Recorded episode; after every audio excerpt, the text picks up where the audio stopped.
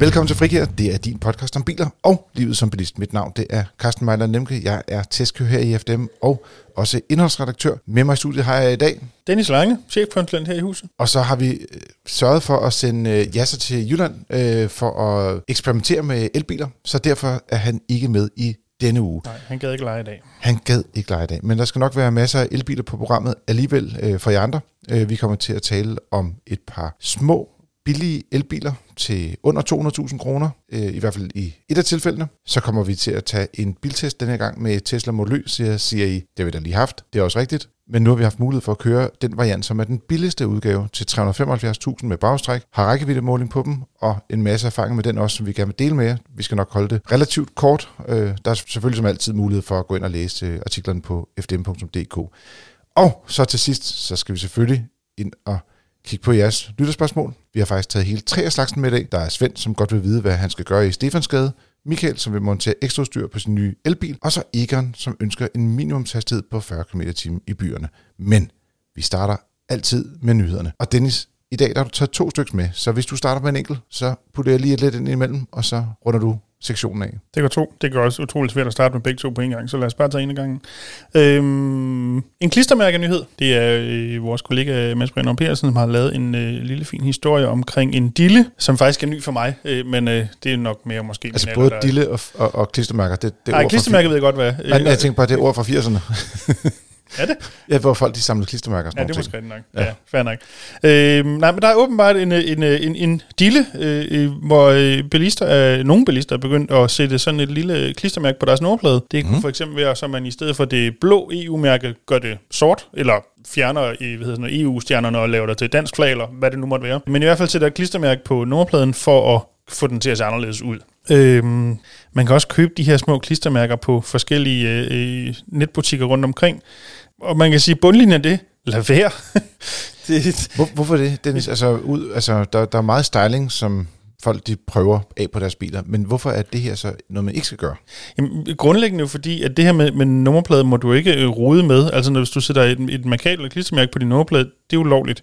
Og det kan i sig selv give en bøde på, på 1000 kroner, hvis du har gjort det. Øh, og det er sådan set ligegyldigt, hvorhen på nummerpladen du har sat det, hvis man kan sige det. Så du må ikke dække nummerpladen på nogen måde, heller ikke med et klistermærke. Er det, er det fordi, det er sådan noget dokumentfalsk lignende, eller er vi over i ligesom den der, hvor der var nogen, der på et tidspunkt sprayede deres nummerplader, sådan at hver gang der blev taget et billede med sådan en, øh, et fartkamera, så blev, der sådan, blev den bare blank? Ja, hvis, hvis det jo ikke virker, det ved jeg faktisk ikke. Ja, det ved jeg ikke, om det virker. Der var også nogen, der satte sådan nogle rammer henover og sådan noget. Det, det må, men det må man ikke. Nej, altså, man må ikke må dække nummerpladen. Nej, jeg vil sige, hvis du får en bøde på 1000 kroner, er lige sådan min mavefornemmelse ikke, at så er det ikke et dokumentfalsk, at politiet har sigtet dig for, ah. så er det for at dække din nummerplade øh, delvist til.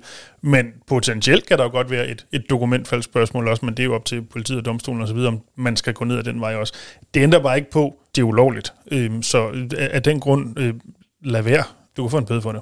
Minimum. Så, så hvis man er træt af, at der er den der blå ting ude i siden, så kan man gå ned og købe en ny nummerplade til sin bil, uden ja, sådan blå ting nede i siden. Man kan jo stadigvæk, som man jo har kunnet, lige så længe man, at de her øh, EU-nummerplader har fandtes, så vidt jeg husker, så har du også kunne vælge en variant, hvor øh, der ikke er det her blå EU-mærke med mm. DK på, hvor det bare er en, altså der står ikke andet end nummerplade-cifrene. Må jeg kaste under øh, rejsebussen så?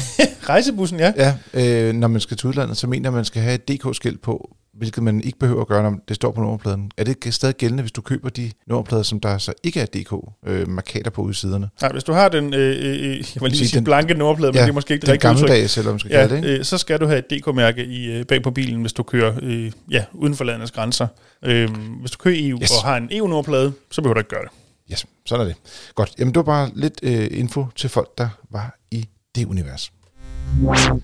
Jeg har taget en øh, nyhed med omkring Stellantis, der øh, går i gang med et projekt, hvor det er, at de vil spare cirka 400 millioner tons CO2, hvilket øh, umiddelbart øh, er ret meget. Så øh, ved det, det er over en længere periode. Det er over en periode mellem 2025 og 2050. Og grund til, at det tager lidt tid, det er, at deres projekt er, at de vil forsøge at indføre e-fuels, eller syntetiske brændstoffer, øh, i biler for at minimere CO2-udledningen. Og det de siger, det er, at de kan reducere med helt op mod 90% i forhold til de traditionelle brændstoffer, vi har i dag. Så man kan ikke ja. lave det... Det er i hvert fald det, der er deres mål, ikke? Jeg ved ikke... Jeg, jeg siger bare, at altså, ja. de, de, de har mulighed for at gøre det op ja. til 90%. Ja. Øhm, men det, som jeg synes, der er det mest interessante, det er, øh, de tester, de i øjeblikket, de er i gang øh, med 28 forskellige det, man kalder drivlinjer, men i virkeligheden står der motorer i deres udkast, så det er ikke noget med øh, gearkasser. Mm. 28 motorer, det er meget. Det er ikke bare 28 motorer, de tester på, det er 28 forskellige typer motorer. Ja. Så det er både benzinbiler og det er dieselbiler, der vil kunne have glæde af det her. Men og, det er vel også deres, om jeg så må sige, eksisterende model. Altså det er jo ikke fremtidige motor, jo det kan det være, det også er, men, men det er jo ikke det, det, er der, det der er pointen. Ja. Men, men det er også dem, der allerede kører det ude på gaden, og har gjort det i nogle år måske endda til os. Øhm, og det, min point, der er jo så også en del varianter at tage af lige pludselig, ikke? Jo, men de regner med, at øh, med, med det salg, de også kommer til at have frem til og med 2029, øh, hvor de sælger deres sidste brændstofbil øh, i Europa, øh, der, øh, der vil det være 28 millioner biler, som kan blive skal man sige, skifte over til det her syntetiske brændstof. Ja. Og de siger, de er 100% på elbiler, og det er deres vej frem.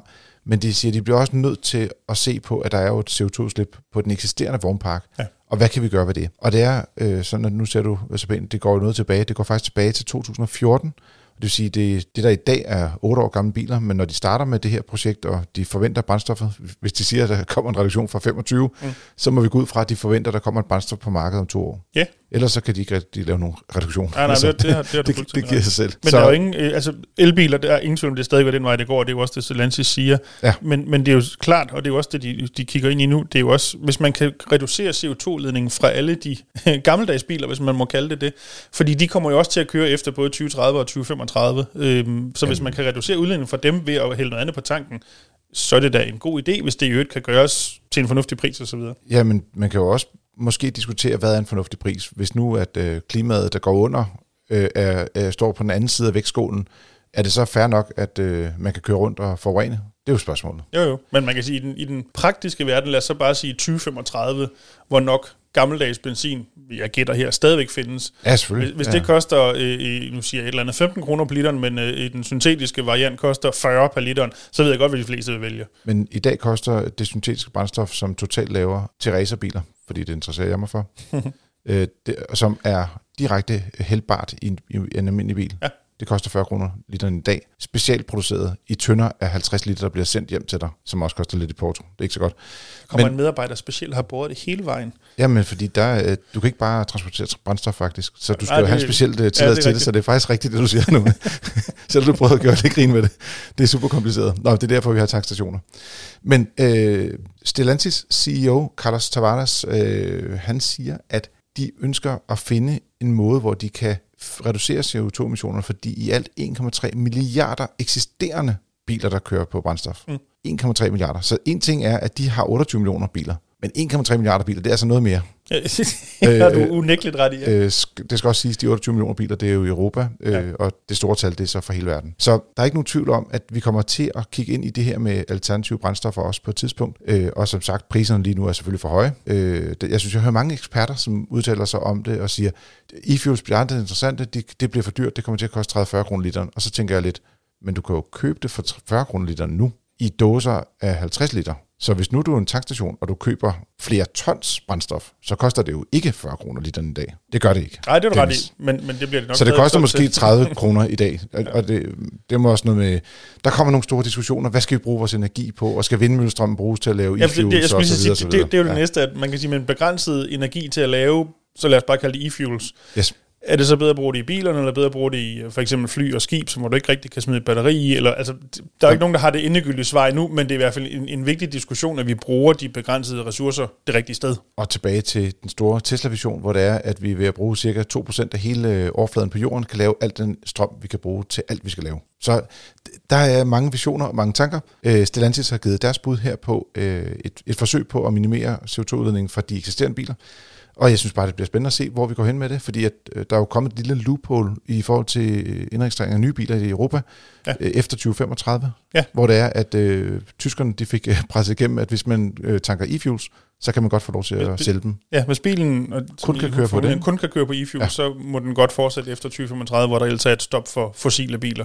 Og det geniale ved det her system, det er, og jeg vil også godt lige komme med en lille øh, arbejder på den, det er, det er et brændstof, de putter i biler med den motorstyring, de har ja. i dag. Ja. Så at sige. Det kan være, de justerer den, men det skal være sådan, du kan køre både benzin og det her e-fuel. Det, teknisk set skal det være identisk med det brændstof, vi ja. kender i dag. Ja. Jo, men det, det er jo klart, det er nødt ikke, hvis du skal ud og lave, hvad er, nu siger et eller andet en 10.000 kroners ændring på alle bilerne, så kommer det jo ikke til at ske. Altså de eksisterende biler. Hvis du skal de, tage din gamle bil og gå ned på værkstedet og smide 10.000 kroner for at få den lavet om, så den kører på e-fuels. Det er der ingen, der gør. Nej, præcis. Som koster 10 kroner mere per liter. Ja. Men øh, det er ret interessant, fordi de, øh, de tester øh, sådan noget med udledning fra udstødning selvfølgelig. Det er jo sådan, man finder ud af, om der rent faktisk det, der hedder tailpipe emission, hvor meget CO2 udleder det. Øh, så skal teste, om, om motorerne starter ordentligt. Det synes jeg er meget dejligt. En relativt vigtig faktor, også selvom det er en franske biler, ja. ja øh, så er der noget med øh, motorkraft, altså mange øh, hestekræfter, newtonmeter osv., så, så noget pålidelighed. Så er noget, vi har kaldt tæthed i motoren. Det er fordi, at øh, det, de er nervøse for, det er, at det her øh, syntetiske brændstof løber ned langs med cylinderne og ned i motorolien. Mm. Hvilket, men når nu man taler om Peugeot, Citroën, han kommer til at grine, det, skal, det mener jeg virkelig ikke. Men det er jo faktisk et kæmpe problem med nogle af deres motorer, hvor det, det er, at... Det er noget, de har erfaring med. Ja, hvor der, hvor der er brændstof, der ryger ned i olien, ja. og som øh, opløser deres tandremme, og tandremmene de så smuldrer og sætter sig i alle oliekanalerne, og motoren står af, og folk står med en, øh, en regning på en ny motor øh, på, på 40-50.000 plus. Øh, så jeg vil bare sige, jeg synes, det er fedt, de rent faktisk tester det. Ja, det, det er da dejligt. Det kunne være fedt, de også lige løste det andet problem, de har i forvejen, ja, øh, nu de er i gang. Så. Ja. Nå, men øh, nok om det. Men Stellantis, øh, de har selvfølgelig stadig et, øh, et fokus på elbiler, og det er det, de kommer til at bygge for 2030 og fremad. Så det er ikke, fordi de kommer det som et alternativ til elbilerne. Det er bare for lige at sige det. Så bliver det vel tid til min anden nyhed, kan jeg regne ud. Øhm, en lille p-skive-nyhed lidt på ryggen af, at her i løbet af foråret har der været i forskellige medier en del historier om, at øh, hvis man som dansker, og det er måske primært, hvis man kører til Flensborg eller området deromkring, og parkerer på tidsbegrænsede parkeringspladser og bruger sin danske p-skive, risikerer man at få en p-afgift. Altså fra tyskerne, om jeg så må sige. Øhm, det har der været en del, som er blevet måske overrasket over, øh, og så videre. Øhm, det er sådan, de tyske regler er. Der er nogle særlige krav til, hvordan en, en p-skive skal se ud. Øhm, man kan ikke bruge en, den p-skive, vi bruger hjemme i Danmark, virker ikke i Tyskland. Øhm, det lever ikke op til kravene. Og Tyskland har ikke sådan et, en regel om, at hvis du kommer i en dansk bil, må du gerne bruge en dansk p-skive. I modsætning til, hvad vi jo herhjemme har en regel om, at hvis du kommer i en udenlandsk bil, må du bruge, gerne bruge den p-skive, der er lovlig i det land, at bilen engang kommer fra. Men, øh, men det er der flere lande i Europa, som øh, er lige så fornuftige som danskerne, der siger, du behøver ikke at have 37 ja. p-skiver for at køre rundt i Europa. Præcis. Og det er jo det, hvor vi så har øh, lidt øh, med hjælp fra vores søsterklubber rundt omkring i Europa, lidt samlet et overblik, hvis man kan sige det sådan, over øh, en, en stor del af de lande, som vi som danskere kan finde på at køre til. Kan du bruge din danske p-skive? Ja eller nej? Sådan i, i den korte variant af det. Eller skal du gøre noget andet? Øh, den kan man selvfølgelig finde inde på vores hjemmeside øh, fdm.dk, hvis jeg måske bare lige skal lave et par, par nedslag. Altså som sagt, Tyskland, der kan du ikke bruge din danske. Øh, det risikerer du at få en afgift for. Det kan du heller ikke i Norge. Øhm, blandt andet fordi Norge har krav om, at vi her hjemmestiller p-skiven frem til nærmeste førstkommende kvarter, så stiller øh, nordmændene p-skiven til det klokkeslæt, du kommer på, altså 1522, eller hvad det nu end måtte være. Ja. Så derfor lever en, en dansk p-skive ikke op til de krav, og igen, der er ikke det her se igennem fingre-regel om, hvis du kommer i en udlandsbil. Til gengæld, hvis du kører til Holland, de har samme øh, grundregel, som vi har herhjemme. Altså, hvis du kommer i en dansk bil med en dansk p-skive, så er det fint. Øh, de stiller nogle andre krav til hollandske biler, men, men mm. hvis du kommer i en dansk bil, så kan du godt bruge den. Øhm, og sådan er der lidt sådan varianter i, ned igennem. Og øh, selvfølgelig er det også sådan, at hvis du kommer til pas langt ned, det kunne være Port- Portugal, så kan du ikke bruge din danske p-skive, men det handler egentlig mere om, at tidsbegrænset parkering er ikke noget, man bruger i Portugal. Så, så, så der er ikke et krav om p-skive, fordi det er slet ikke et koncept, man bruger. Øhm, så øh, det er ikke fordi, noget lovligt, men du kan bare ikke bruge den til noget. Men øh, hvis man skal på, øh, på langfart, havde jeg sagt, det kunne være, at man skulle på, øh, på pinseferie eller på øh, sommerferie køre ned igennem Europa, øh, mm. og tænker, at man kunne risikere at skulle parkere nogle steder med tidsbegrænset parkering, så tjekke vores, øh, vores samlede øh, guide ud på fdm.dk. Øh, og ellers så er der jo selvfølgelig altid muligheden for at købe en, skal vi sige, en lokal p-skive i de lande, man kommer frem til, for at være mm. sådan ekstra sikker. Det eneste i den sammenhæng, der er, man skal huske, regn med, at det ikke er tilladt at have to p-skiver i bilen, altså så din danske p-skive skal du dække til eller fjerne, øh, hvis du bruger en anden. Øh, må jeg komme med et øsselt, øh, en øsselt kommentar? En øsselt kommentar, ja, gerne. Det er at sige, hvis man er et sted, hvor man er i tvivl om, hvordan reglerne er, så tag betalingsparkering. Jeg er helt enig. Øh, fordi at, øh, det er sådan en måde, hvor man kan komme udenom det. Det er ikke altid det er ekstremt dyrt, øh, og, og nogle gange så kan man også få nogle bedre parkeringsforhold, simpelthen bare ved, at man holder et sted, hvor der er mere sikkerhed øh, om, omkring bilerne. Ja, ja, helt det tror jeg faktisk også, det, ved, det gør jeg selv, sådan ikke som udgangspunkt, men ofte i hvert fald. Mm. Det tror jeg også, de fleste gør, fordi så kan du for eksempel smide bilen ind i et P-hus typisk, eller en P-kælder, så holder den både lidt køligere og lidt mere sikkert, end hvis den holder ude på kæden, og det er lidt nemmere, som du siger, at forholde sig til, at du betaler for at parkere. Og så har vi også en anden en, det er så en, en mindre øsel øh, øh, kommentar. Øh, hvis man går ind på vores hjemmeside, og selvfølgelig læser om de her regler, så er der også et link, hvor man kan printe en tysk p-skive, ja. hvis ikke man ønsker at købe en tysk p-skive. Det kan man jo også gøre. Det, man skal bare printe, og så skal man lige have en saks og øh, et eller andet til at samle skiven på midten af, men bortset fra det, man kan, man kan printe sig en p-skive til Tyskland. Det er dejligt. Så, så er, det var vores øh, rejsetips for den gang. ja.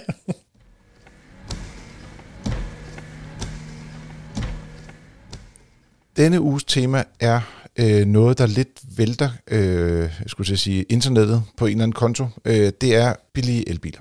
Der er mange, der er interesseret i elbiler. Der er mange, som er frustreret over, at de ikke kan få en elbil, som der er til at betale. Og især er der mange, der er frustreret over, at der ikke er så mange små elbiler. For et øh, par uger siden, skulle jeg til at sige, det er et stykke tid siden, der var jeg nede og se den nye øh, ID2. Ja. Den der hedder ID2 All. Volkswagens. Volkswagens bud. Ja. Under 200.000 kroners øh, Polo udvendig Golf. Øh, øh, undskyld, Polo udvendig og Golf indvendig. Ja. Yes. Øh, hvad er det? Bil. Og øh, i den her uge, der har Skoda så vist deres skal man sige, pendant til den. Ja, nu siger du vist, men øh, ja.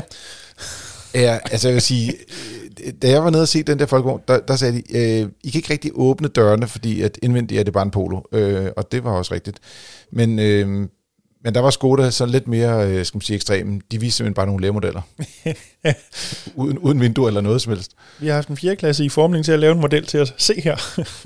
ah, det ved jeg godt, det ikke er sådan der, men ja, dog i lær. Jeg, jeg tror faktisk, grunden til, at de gjorde det, det var fordi, at de samtidig viste nogle andre modeller. Blandt andet også en stationcar, som vi jo, øh, der findes et par af dem, men ikke så mange elektriske udgaver, og der kommer også nogle, øh, en, skal man sige, en mellemklassebil, de også viste, øh, men stadig i lærformat. Så jeg tror, det var egentlig for at vise designsproget på sådan en elegant måde. Mm. Og også lidt for at gøre Skoda lidt mere til luksus, end hvad de var i 80'erne, hvor det primært var biler, der rustede og øh, var billige. Ikke? Det er ikke svært at gøre dem mere luksus, end de var i 80'erne.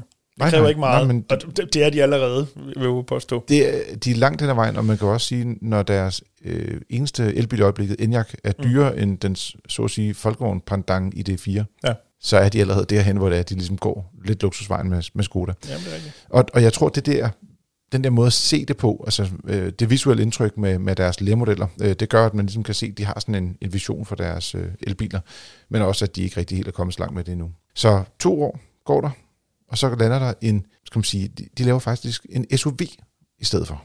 Ja.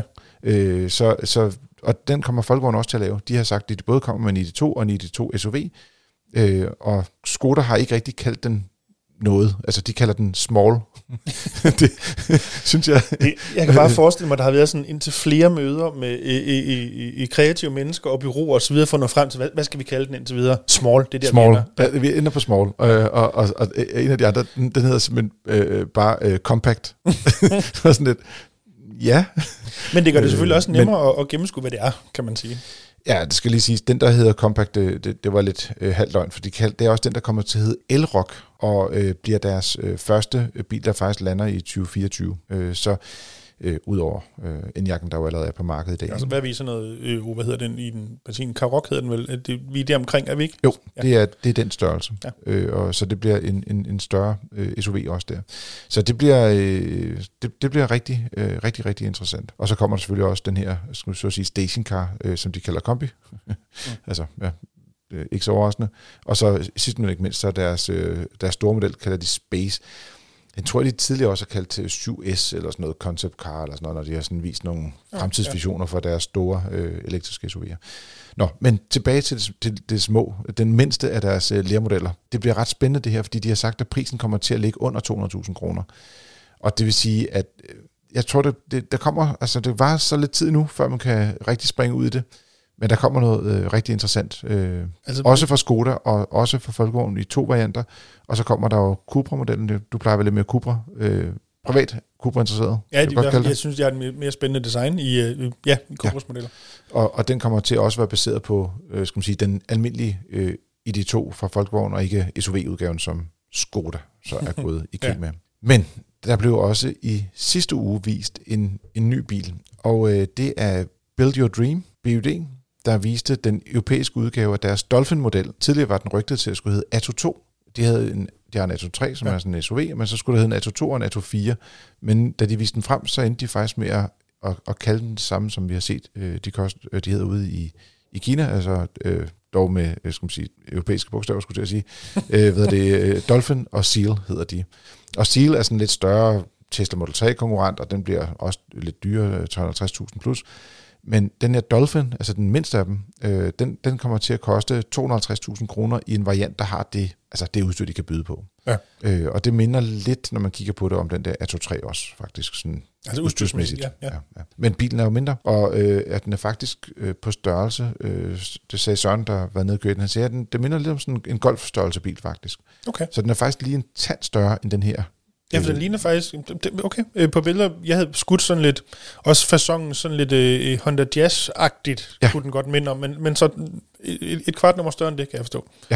Øh, og, og, han siger, at det, det er simpelthen tale om en mellemklassebil, og det, som jeg synes, der er interessant ved de her biler, det er, øh, og, og grund til, at vi ligesom puljer dem lidt i en nyhedsspecial, øh, hvis man skal kalde det det, tema, det er billige elbiler, øh, det er, at den koster 250, selvfølgelig nu og ikke om to år, men den har jo samme størrelse som i kabinen i hvert fald, som de siger fra Folkevogn, de kommer med, og Skoda også. Ja. Og bagagerummet er heller ikke større end det, som Skoda indikerer, de kommer med, og Folkevogn har sagt, de kommer med. Så jeg tænker lidt, det, det, man kan godt mærke de her, øh, skal man sige, øh, de er lidt på hælene øh, i Europa. Kineserne kommer med alle deres biler og deres elbiler, og BYD er jo faktisk, øh, jeg mener faktisk, de er den største producent af elbiler i verden nu. Øh, hvis de var overhalet sidste år. Ja, de, de, de plejer at ligge lige og omkring det- Tesla, det jeg kan må heller ikke Tesla, huske, hvem men- men det er- Det, skal de- nok passe til dem. Jeg tror, de var på 1,8 millioner biler sidste år, øh, alene elektriske, Ja. øh, på verdensplan selvfølgelig. Øh, men men øh, så, så det er ikke bare sådan en lille spiller, der kommer øh, på markedet her. Men jeg vil også sige 250.000 kroner for øh, en, en bil, som ikke lader øh, sindssygt hurtigt og ikke har verdens længste rækkevidde. Øh, den kommer til at være sådan cirka 430 km. Trods alt også for et mærke, der i hvert fald i dansk kontekst er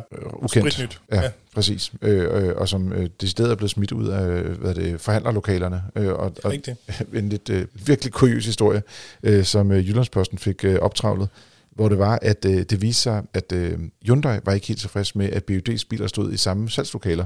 Så øh, fik importøren at vide, at I rykker lige de biler ud, og så må jeg bygge et separat lokale til de der kinesiske biler, fordi ja. der er lidt for meget konkurrence der mellem de to mærker åbenbart. Så øh, yes, men, men det er om ikke andet, øh, det er da også interessant, den kommer faktisk allerede her øh, til sommer, og øh, men, med en pris på, på 250.000 kroner øh, fra pris. Hvad, hvad, hvad synes vi om den pris? Jeg kan ikke lade være med at sidde og tænke, at det er muligvis 50.000 for højt i forhold til, hvis i hvert fald det skal være sådan et, et godt tilbud, der får folk til i den grad at tænke, ved du hvad, det kunne også godt være en PUD. Jamen, du kan sige, MG4 er jo også en bil i samme klasse, altså ja. øh, det, man kalder mellemklassen. Og øh, de har lige lanceret en udgave til 250.000 kroner, dog med etfaset opladning og Ja, ja, den lidt mindre batteri og sådan noget. En skrabet udgave, ikke? Ja. Øh, som vi snart skal have til test faktisk. Så den går jeg glæder mig til at, at prøve, kan man sige. Men altså det her, der får du så lidt mere udstyr, og lidt flere hestekræfter, og jeg tror også lidt mere rækkevidde og lidt hurtigere ladning i hvert fald. Men, men er det nok på noget, man slet ikke kender? Jamen det er lidt det, jeg øh, er i tvivl om. Og, og jeg, altså... øh, Jeg, Havde, havde den tror- kommet og hed 200.000, så er jeg faktisk ikke i tvivl om, den skulle de nok få solgt rigtig mange af. 250, ja. så er jeg lidt i tvivl. Altså, Altså- det vil jo vise sig, men, men mm, Altså det er sådan en bil, hvor man virkelig, man vil gerne have den på dansk øh, asfalt. Ja. Og, og få prøvet den herhjemme, og finde ud af, hvordan opleves den, fordi at, jeg kan huske byde Atos 3, da, da den kom, der, der kiggede vi på den, og altså udover den så lidt, specielt ud i kabinen, og det gør den her Dolphin også. De har sådan et eller andet, øh, skal man sige, syret vandland fra, øh, fra 80'erne, øh, wipe over sig. i hvert fald mere, øh, hvis vi sådan skal tage den positive, øh, og det er ikke fordi, jeg synes, det, den er grim ind i overhovedet ikke. Øh, det er mere, skal vi kalde det, organisk, og nogle flere svung og kurver og ting og sager, og ikke så meget øh, stramt design, som man er vant til fra europæiske og til dels også asiatiske biler efterhånden. Ja, det, det er et andet, meget andet designsprog. Jamen det er det, og, og, og, og det vil jeg sige, det, det kan der være nogen, der ligesom øh, øh, falder for. Så, så, på den konto er, er der ikke noget galt ved det, og de har også en stor skærm i og sådan nogle ting. De kører stadig det her med, og, og det er faktisk lidt sjovt, fordi vi har en BUD til test i øjeblikket, med at de har nogle ret store skærme, mm. men skærmene kan ikke rigtig vise noget. Altså de har sådan en, en hovedvisning, hvor det er, at de sådan viser, hvad de er i gang med. Altså du, du kan sådan vælge nogle forskellige ting. Øh, øh, for eksempel, øh, øh, det, det er deres topmodel, vi kører med i øjeblikket, så jeg skal lige ned og prøve det lidt mere. Ja. Men lige nu er det sådan, at hvis man spiller musik via Bluetooth, så kan du se øh, radioen, som du ikke har aktiv øh, på hovedbilledet. og man tænker, hvorfor viser den ikke en widget med et, et, et billede af den sang, jeg hører lige nu, for For eksempel? eksempel, ja. Eller at navigationen øh, ikke bare viser, om du skal dreje til højre eller venstre om 200 meter, men rent faktisk viser et kort også, når nu du har en skærm, der er et eller andet 16-17 øh, hvad hedder det, tommer. Øh, det, det, er sådan, men det er den eneste ting. Det er lidt som der, hvor det er, jeg synes, de helt er med øh, Ja, ja. forrest i feltet, øh, rent øh, teknologisk. Men om ikke andet bliver det super spændende. Og det er klart, at øh, altså, de har jo ikke givet en pris endnu. altså det, det her det er vores bedste bud, øh, efter at have sådan, prøvet at frittet øh, importøren ud, at det kommer nok til at lande omkring 250.000 for den variant, der har øh, masser af udstyr. Og så kan der jo godt være, at der ligesom med 3 kommer en variant til 230 eller 220 mm. Med mindre udstyr. Ja, ja. Og men jeg vil sige i hvert fald, det er en sådan øh, eksteriørmæssigt en bil, som potentielt kan tiltale flere forstået på den måde. Mm. Den generer ikke rigtig nogen på designet. Den er lidt på kanten til næsten at være kedelig. Øh, ja. Så altså, den er meget øh, afdæmpet, måske i forhold til især MG4, som jo i, i, i den grad ikke er. Men man kan godt forstå, hvorfor det er Folkevogn og Skoda og Cupra har altså vildt travlt med at fortælle om biler, der kommer om to år. Det må man sige, Fordi ja. når der kommer nogle mennesker ind på banen og siger, nu bygger vi nogle biler her, de risikerer at miste hele markedet. Ja. Og fordi BUD, de siger, jamen vi er klar, vi har bilerne her nu. Hvis folk gerne vil køre elektrisk, og de har sådan op til 250.000 kroner, her er der en golfstørrelsesbil. Ja. Skal lige huske på, at øh, i det 3'eren, da den kom frem, kostede også 250.000 med et lille batteri. Og den har jo været lidt ude af markedet her det sidste stykke tid, fordi de er i gang med at omstille produktionen. Men der kommer en ny ID3 til sommer i en facelift-udgave. Det bliver spændende at se, om den kommer med et lille batteri, og hvad prisen bliver på den. Fordi de er i gang, altså alle, alle er lidt i krig, og er lidt presset af den næste nyhed, vi skal tale om, som er Tesla. Igen. Igen. Og vi beklager lidt, øh, at der selvfølgelig er meget Tesla, men jeg vil sige, der er en grund til det. Årsagen til, at vi skal tale om Tesla, er naturligvis, at de sidste måned blev øh, Danmarks mest solgte bil med 3.200 indregistrerede eksemplarer. Det mest ekstreme salg nogensinde. Højeste, vildeste. Jeg ved ikke, om man kan putte flere sådan nogle øh, Nej, power men, i det her. Men, men det er det. men det, altså, det er, altså, folk tænker, at ja, 3.200, ja, det har jeg da også engang købt ud til, eller et eller andet i den stil, men det er... okay. ja, men, men det er sindssygt mange biler at flytte, og jeg var øh, inde og kigge, øh, altså de, de har simpelthen sprøjtet dem ud, fordi de har ikke særlig mange forhandlere heller, eller steder, udleveringssteder. Så det er simpelthen, folk har jo nærmest øh, fået bilerne uden at have fået nogle instruktioner i, hvordan de virker. Hvilket jeg vil sige, det er lidt interessant, fordi den her bil fungerer jo på mange måder, på ingen måde som nogle andre biler. Nej, nej, nej overhovedet ikke. Men det, der er interessant, det er, at vi havde, øh, vi har jagtet øh, længe at få fat på en Model Y med bagstræk. Øh, den kom jo i princippet på markedet i, tror det var november sidste år eller sådan noget, men altså, vi, vi har siden da ikke rigtig kunne få fat på den. Dengang, der skulle den koste 300, eller, 450.000. Mm. Øhm, og øh, nu står den selv til 375.000. Så det er jo en helt anden pris, øh, og, og det er jo selvfølgelig som følge af deres øh, store prisnedsættelser i januar, øh, og det er også en af årsagen til, at de rent faktisk sælger så mange biler, det er, at folk de kommer ud og siger, okay, der er heller ikke langt fra 250.000, hvor vi taler om en BUD til et mærke, man ikke rigtig kender og har været på markedet, til at du kan få en Tesla Nej, det, det, det er der ikke. Som er markant større. Hvad det Model 3'eren starter på, er det 325, tror jeg nok, eller det, det er omkring, ikke? Ja. ja. Der, altså, der, der, der er endnu kortere. Det der, der er endnu kortere. Øh, jamen, det er bare for at sige, så altså, Teslas priser er stadigvæk øh, rigtig interessante. Og det er ikke sådan, at konkurrenterne ikke kan være der, men de er bare ikke helt lige så skarpe, når du begynder at kigge. Øh, skal man sige. Hvis, hvis du siger, at Teslaen har det udstyr, du gerne vil have, mm. for du kan ikke rigtig vælge noget til den. Nej. Så du kan ikke sige, at jeg vil også gerne have adaptive forlygter. Nej, det findes ikke. Du kan højst vælge, om du... Ej, ikke højst, men stort set kun vælge, om du vil, vil have den hvide ligesom alle de andre, eller om du trods alt vil have en anden farve. Ja, præcis. Men der, der bare ikke er andre end hvide, og så må du bare vælge den hvide alligevel. ja. Det kan man se i øjeblikket. De, men de kører med sådan nogle ting, som anhængertrækker stort set standard på alle biler, og mm. det siger stort set, så fordi der en gang imellem lander nogle biler fra et andet marked, hvor der ikke er anhængertræk ja, på. Ja. Men men der er anhængertræk på som udgangspunkt til 375.000. Desværre havde den testbil, øh, vi kørte med øh, 20 sommerfælge på. Øh, den bliver solgt med 19 standard, og øh, 20 som en option. Det er en af de få ting, man kan købe som ekstra udstyr. Øh, og det rykker rækkevidden ned fra, fra 455 til 430 km officielt. Og vi øh, kørte, hvad der svarer til, fordi vi korrigerer øh, for temperatur i mm. vores målinger, øh, ved 110 km i på motorvej, 350 km ved 20 grader. Det er øh, pænt uden at være imponerende, og jeg vil sige, der er mange, der vil kunne leve med den rækkevidde. Jo, jo, jo. Øh, og den, den lader faktisk, vi lavede den faktisk øh, flere gange, men, øh, men to gange lynladning på, på Teslas lader. Den ene gang gik det øh, rigtig fint, der lavede den faktisk øh, øh ret hurtigt, øh, især i starten. Øh, så der lavede vi med sådan cirka, cirka 125 kW de første kvarter, men snittet over en halv time, det var lige underkanten af 100 kW. Og det er sådan, det er sådan i underkanten er okay, ikke? Ja, men det, det er sådan der, man lander med mange biler, faktisk, for at være ærlig. Jo, jo, men det, det, er ikke imponerende, så lad mig udtrykke Nej, det sådan. de, de siger jo selv, at, at den skal kunne lade med op til 170 kW, men du ender med rent faktisk at få øh, en ladning, som man har set på mange andre biler, som lover mm. mindre, hvis man skal sige på den måde. Ja.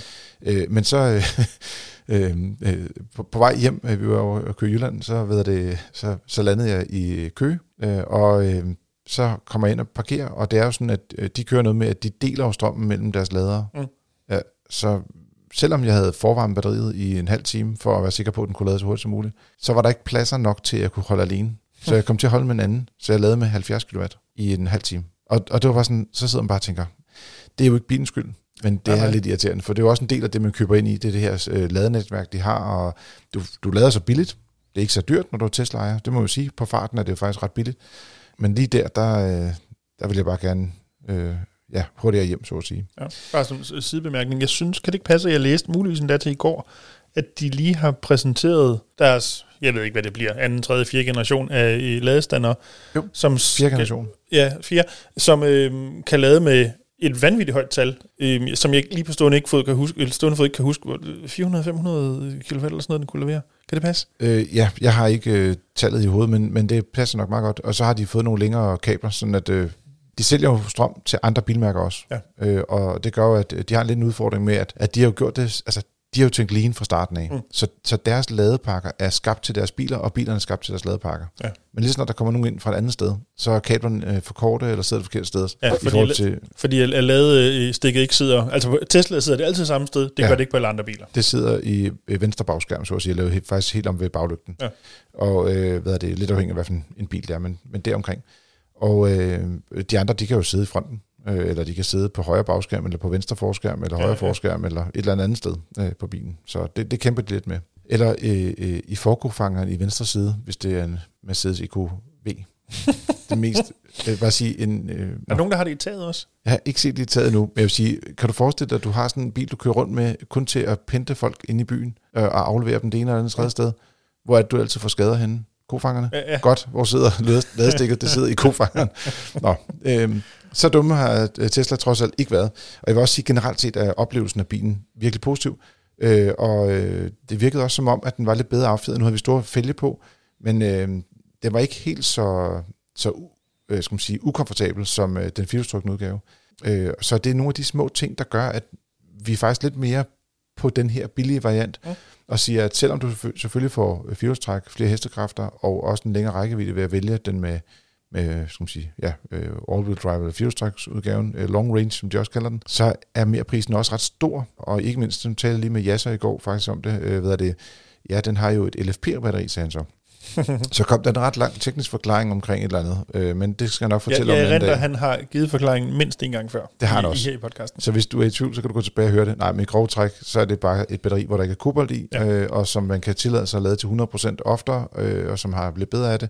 Øh, det har den udfordring, at det er tungere. Så var vi inde og tjek- tjekke vægtene, Mm. øh, men den er stadigvæk, selvom batteriet er tungere per kilowatt-time, så er den bagstrukne med den korte rækkevidde stadig en lidt, lettere bil, ja. end den med firehjulstræk. Det er vel også, tænker jeg, det er vel jo det, der spiller blandt andet, forestiller mig ind på, hvordan at bilen så ligger på vejen, altså affjeringen, hvor, om, hvor komfortabel den er. Der er mindre vægt, der skal tøjle, hvis jeg må udtrykke det sådan. Ja, men, men det endte med, fordi at den har den her lidt tungere batteriteknologi, kun at være 60 kilo. Ah, okay, ja, okay. Ja, det er jo så, ikke... Nej, ikke en kæmpe forskel, der Nej. ligger der, desværre. Jeg, jeg troede også, der ville være større forskel, fordi batteriet er jo, nu angiver de jo aldrig batteristørrelse hos. Tesla, så man må gætte. Bedste bud er, at det er på 58 kWh netto Mm. her, og den anden har 75. Så der er jo en del mindre række, vil jeg så at sige, alene i batteristørrelsen. Ja, det er klart.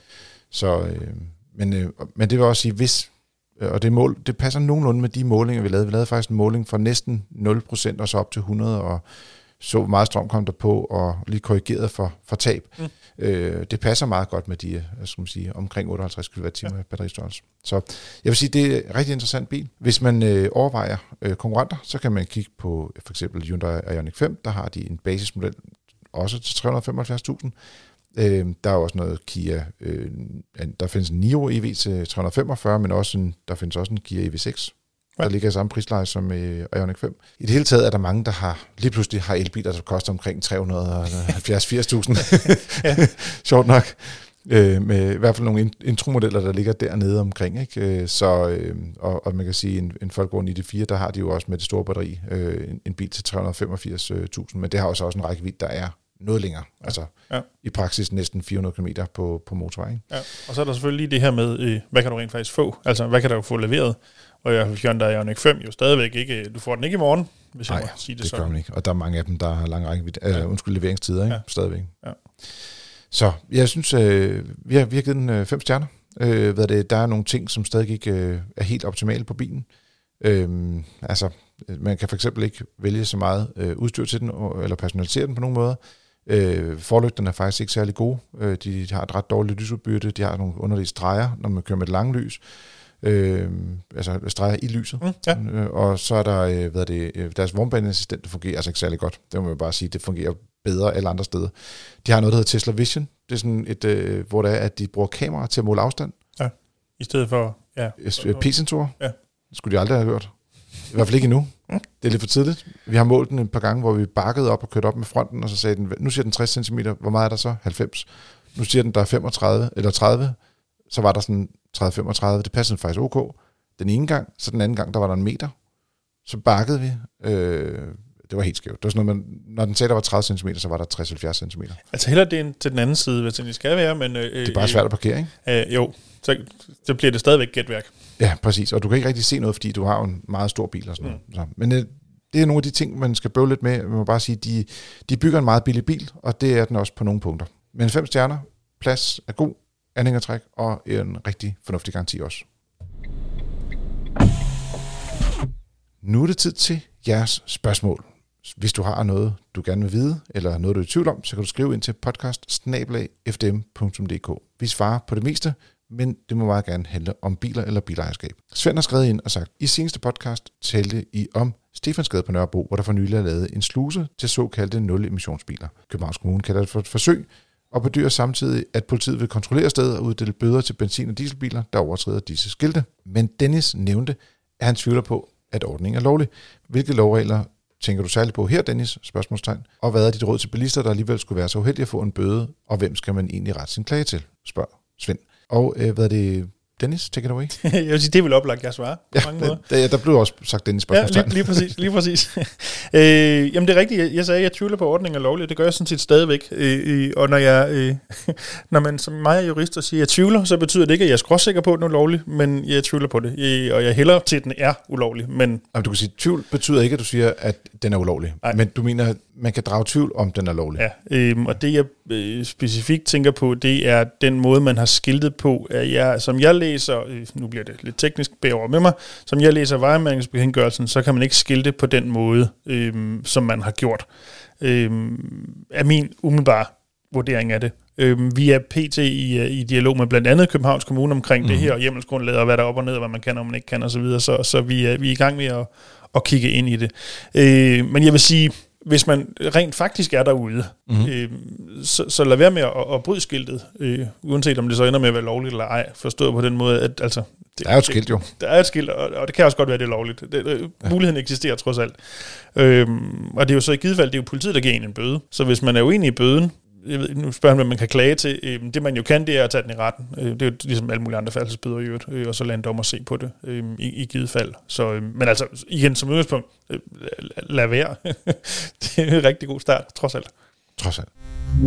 Så har vi fået et spørgsmål fra Michael. Han siger, tak fordi I laver podcasten. Jeg nyder at lytte til den hver uge. Men en BMW iX3 over os flere andre elbiler kommer uden en frunk. Jeg har dog fundet nogen, der hedder Workby DE, som laver en front til eftermontering. Og han var ude hos sin BMW-pusher, og hans hustru påstår nu, at han er blevet afhængig. Det tror jeg, der er flere hustruer, som har fornemmelse. Det er hurtigt et dyrt afhængigheds i, i forhold. Præcis. Øh, men jeg tænker også, at han måske nok kun køber en bil ad gangen. Men øh, det, finder, det finder konen jo nok snart ud af.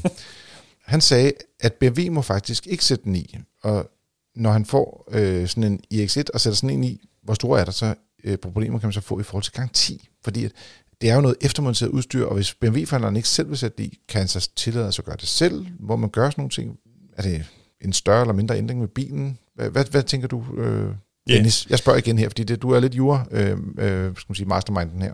jeg er ikke lige med mastermind, men, men bevares. Han, han, han øhm. siger også her, på forhånd tak for alle Dennis forbehold. så den ligger der også på dit bord her. Ja. Øhm, det er jo ikke fordi, det sådan ultimativt er ulovligt at, om jeg må sige, sætte demser på ens bil. Men det afhænger jo målet meget, hvad det er. Øh, og nu sagde jeg vist nok ulovligt, men, men også øh, underforstået øh, kan give problemer med garantien, for eksempel. Ja, det er jo ikke sikkert, det er ulovligt at køre rundt med, men det kan, det kan være, at du bare mister garanti. Ja, præcis. Det som jeg, og det ved jeg simpelthen ikke, om der teknisk er et issue, men det jeg måske kunne forestille mig, det er bare et bud. hvis man ef- eftermonterer en frunk på en bil, hvor det ikke er tænkt til, at der skal være en frunk, Mm. er der jo en risiko for, at man messer lidt med den, man kan sige, ventilation og lignende, der skal være, om jeg så må sige, på det areal. Altså gøre nogle ting, risikerer at blive overophedet, for eksempel. Og hvis det, at du har eftermonteret en uoriginal og frunk, betyder, at der sker en eller anden skade på bilen, så som alt overvejende udgangspunkt, så dækker garantien selvfølgelig ikke den skade, for det er sådan rimelig meget din egen skyld, du har gjort det her. Det er ikke Mm. bilen, der er noget galt med, det er, det er dig.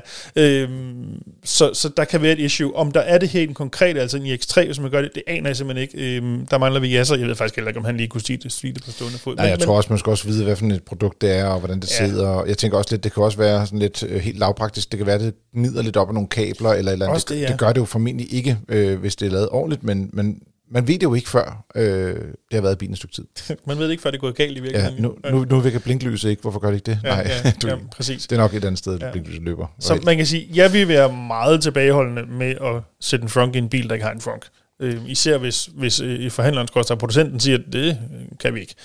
Øh, så ja, men man kan sige, at der er andre ting, ting du sagtens kan sætte på din bil, øh, uden at, altså, det, det gør noget, hvad ved jeg, sådan helt ned i en- latterlig, en, en luftfrisker, det ødelægger ikke noget. Altså, Nej, du tænker, det, det kan man godt tillade sig Ja, ja, på det bilen. præcis, Eller præcis. der er også nogen, der har holder til mobiltelefoner, de sætter i ventilationslyserne. Jeg vil dog sige, at nogle af dem kan godt ødelægge de her, eller riste dem. absolut. Det skal man så også være opmærksom på. Der er nok ikke nogen garanti, der dækker for det. Nej. Øh, det er jo også igen en fejl 40, ikke? Ja, jamen lige præcis. Øh, øh, Dennis, så har du været så let sindig, at du lige har fortalt, at du selv har kommet til at modificere din bil. Øh, jamen, det er fordi- øh, det er fordi, du har lavet det her øh, hvad skal man sige, øh, LED-lys hele vejen rundt om bunden. Nej, det, Nå, det var- det var ikke det, var du havde Jasser, gjort. der havde gjort det i Ja, sin du- i ungdom. sin dage, ja. Nej, gjort. Jamen, det er fordi, min bil er øh, på den måde idiotisk, at den er født uden en solbrilleholder, øh, og det er øh, øh, jævnt irriterende. Men tilfældigvis fandt jeg ud af, at øh, fandt jeg på nettet en gang, det var flere år siden, at øh, i højre øh, hvad hedder sådan noget, panikhåndtag, slutter, venstre panikhåndtag, altså i førersiden, I førersiden, ja. hvor jeg ikke rigtig ved, om man skal bruge panikhåndtag overhovedet. Ja, præcis. Ja. Der kan man øh, øh, klikke det ud, og så kan man købe en dims, der passer i nøjagtigt det samme beslag, som så er en solbrilleholder i stedet for. Så, så det har jeg gjort. Men, men der har du også sagt, okay, hvis jeg kommer til at køre skruen lidt for langt ind, så, øh, Ja, så så, står jo- jeg på mål for det. Ja, det er jo så i givet fald mit det, det virker, og der er ikke noget galt, så øh, alt er godt. Men øh, ja, du har helt ret. Men det er jo sådan for at sige, der findes jo også nogle ting, og der er også nogen, der køber sådan nogle indsatser, de putter i, hvis de godt vil have noget, øh, noget særlig aflægningsplads, eller Ja, ja, de synes, de ja, ja. savner en kopholder, eller noget helt fjerde. Men jeg jeg ved for eksempel en uh, Hyundai Ioniq 5 øh, i øh, hvad hedder sådan armlænet, hvor ja, der er sådan en ja. bakke under, lige under armlænet. Der er der jo nogen, der har excelleret i at øh, selv udvikle en bakke, du kan lægge ned i bakken, men som er ruminddelt, så det er ikke bare et stort øh, Nå, okay, ja. ja. plads, hvor det hele det rasler rundt. Ja, hvor det bare løber rundt Ja, over det og det, altså, det har jeg godt nok svært at se skulle øh, give nogen som helst form for udfordring. Jeg kan også se, at der er flere, øh, som har lavet øh, 3D-printede øh, plastikdegenoter, som de putter rundt om bakkameraerne for at undgå at få falsk lys ind fra siderne. Ja, ja. Øh, sådan at du får et mere, altså du får et bedre lys i mørke faktisk på den Ja, konto. ja. Øh, men der kan man også være ude i det der med, hvis du så laver øh, borer hul i et eller andet, eller der, der bliver slidt, fordi der er noget plastik, der sidder fast i klemme et eller andet sted, så skal man være opmærksom på, det er jo sådan nogle ting, der ikke, det, det vil ikke blive dækket af en, en rustgaranti efterfølgende, eller en lagtgaranti for den sags skyld. Præcis. Præcis. Jamen, øh, jeg håber, Michael, du fik, øh, ja, om men ikke øh, måske det svar, du måske havde håbet på, men øh, et svar på, øh, hvad der kan, kan ske i sådan et tilfælde, hvis der man monterer sådan en lidt større sag ude i bilens såkaldte motorrum. Så har vi fået en mail fra Egon. Han siger, hej, efter en podcast. Kommunen har nu fået grønt lys til at sætte hastigheden ned rundt omkring, og det kan der både være argumenter for og imod. Men jeg synes faktisk, det er ret problematisk, når hastigheden bliver sat ned under 40 km i timen. I min bil betyder det, at jeg ikke kan bruge min adaptive fartpilot, da den slår fra lidt under 40 km i timen. Herefter er det alene den automatiske nødbremse, der stopper bilen, og den bremser ikke bilen helt ned, men stopper bilen. Efter min mening er det ret dumt at lave en så lav hastighed, at et af bilens sikkerhedssystemer er sat ud af drift. Når jeg bruger den adaptive fartpilot ved 40 km i timen, følger jeg trafikken, ligesom den holder afstanden og holder farten nede, så jeg ikke behøver at sidde og stige på speedometeret, men har fokus ud af forruden i stedet. Samtidig er det utroligt let at lave en hastighedsoverskridelse på 10% ved 30 km i timen. Her er noget guf fra en fotovogn, og det er heller ikke rimeligt. Han har en konkret strækning, øh, der hvor han bor, hvor han oplever, øh, at der, øh, skal man sige, der i længere tid har været fjernvarmearbejde på grund af, ja, af den årsag, har de så sat hastigheden ned til, til Ja. 30 km i timen. Ja, det er vejarbejde. Eller, altså, det er jo de facto vejarbejde. Og det er vejarbejde. Og da hastighedsnedsættelsen er i forbindelse med vejarbejde, vil en ad- en overskridelse være et dobbelttakst. Kan I ikke arbejde for en minimumshastighed på 40 km i timen i byerne, skriver Egon. Og altså Dennis, ja, det er simpelthen bare et spørgsmål, der læner sig op af, af dig og din verden. ja, det er det vel. Hvis vi sådan lige skal tage det sidste helt konkrete spørgsmål, vi kan arbejde ja. for en minimumshastighed på 40 km i timen. Øh, hvis jeg skal svare meget, meget kort på det, nej.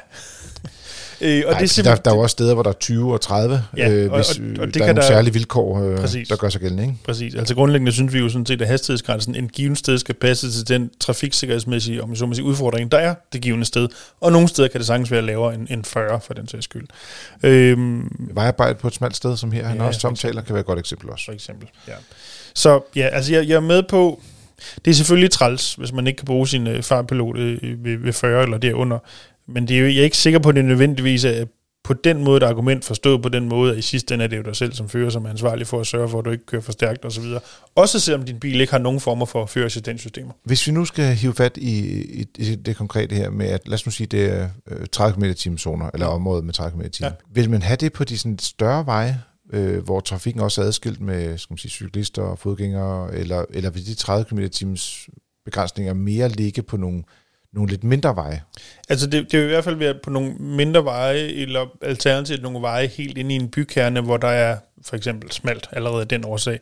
Og man lige skråse kan sige, at der ikke kan være cykelsti, det kan jeg simpelthen ikke huske, men, men jeg vil sige, lad mig formulere det på den måde, der er relativt hårde, hvis vi kan bruge det ord, krav på, hvornår man kan få lov som kommune til at sætte hastigheden ned til 30 km i timen. Der, der er nogle kriterier, der skal være opfyldt, og de er, er, er relativt stramme i forhold til i, i, og i hvert fald, om man så må sige, gamle dage 40 km i timen zoner. Nu er det den her forsøgsordning, kommunen har fået mhm. lidt, lidt øget mulighed for at lave 40 km i timen zoner, men i hvert fald i forhold til de gamle regler.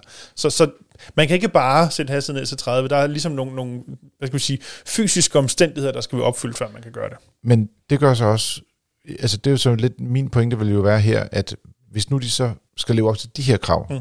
til at sætte ned til 30 i en permanent område, og der ikke er et vejarbejde, hvor det også kan give mening at sætte ned til 30, så skal man måske alligevel være så særlig opmærksom, at man alligevel ikke kan køre med adaptiv fartpilot. Altså hvis du kører rundt, for eksempel i midten af København, og man kører nogle af de der, altså meget små gader, der er derinde, øh, skal finde parkeringspladser eller andet. Hvor der, der er cykler, fodgængere, børn og øh, og øh, tusind andre ting øh, hele tiden. Øh, nogle gange kører du 20, ja.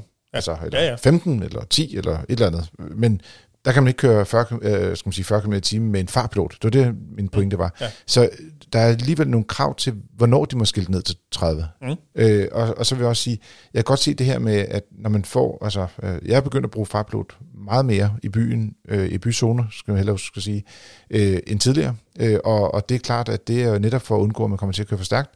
Øh, og øh, som også Egon herinde på, han vil jo gerne have lov til at kunne bruge sin adaptive fartpilot, ja, ja. og så holde sit fokus et andet sted, end at sidde og holde øje med, men lige præcis køre 39 eller 43. Ikke? Ja.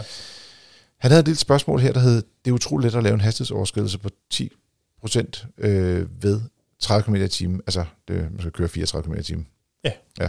Men hvad, hvad mener han med det, og hvorfor er det interessant med 10 procent, eller er det interessant med 10 procent i forhold til bøder og men skal være over 30 procent, før man får klip. Er det korrekt jo, det, forstået? Det, det, det er 30 procent. Så du skal op på næsten 40 km i timen, men det er jo selvfølgelig også... Ja, altså, men, altså, det bliver ulovligt før det.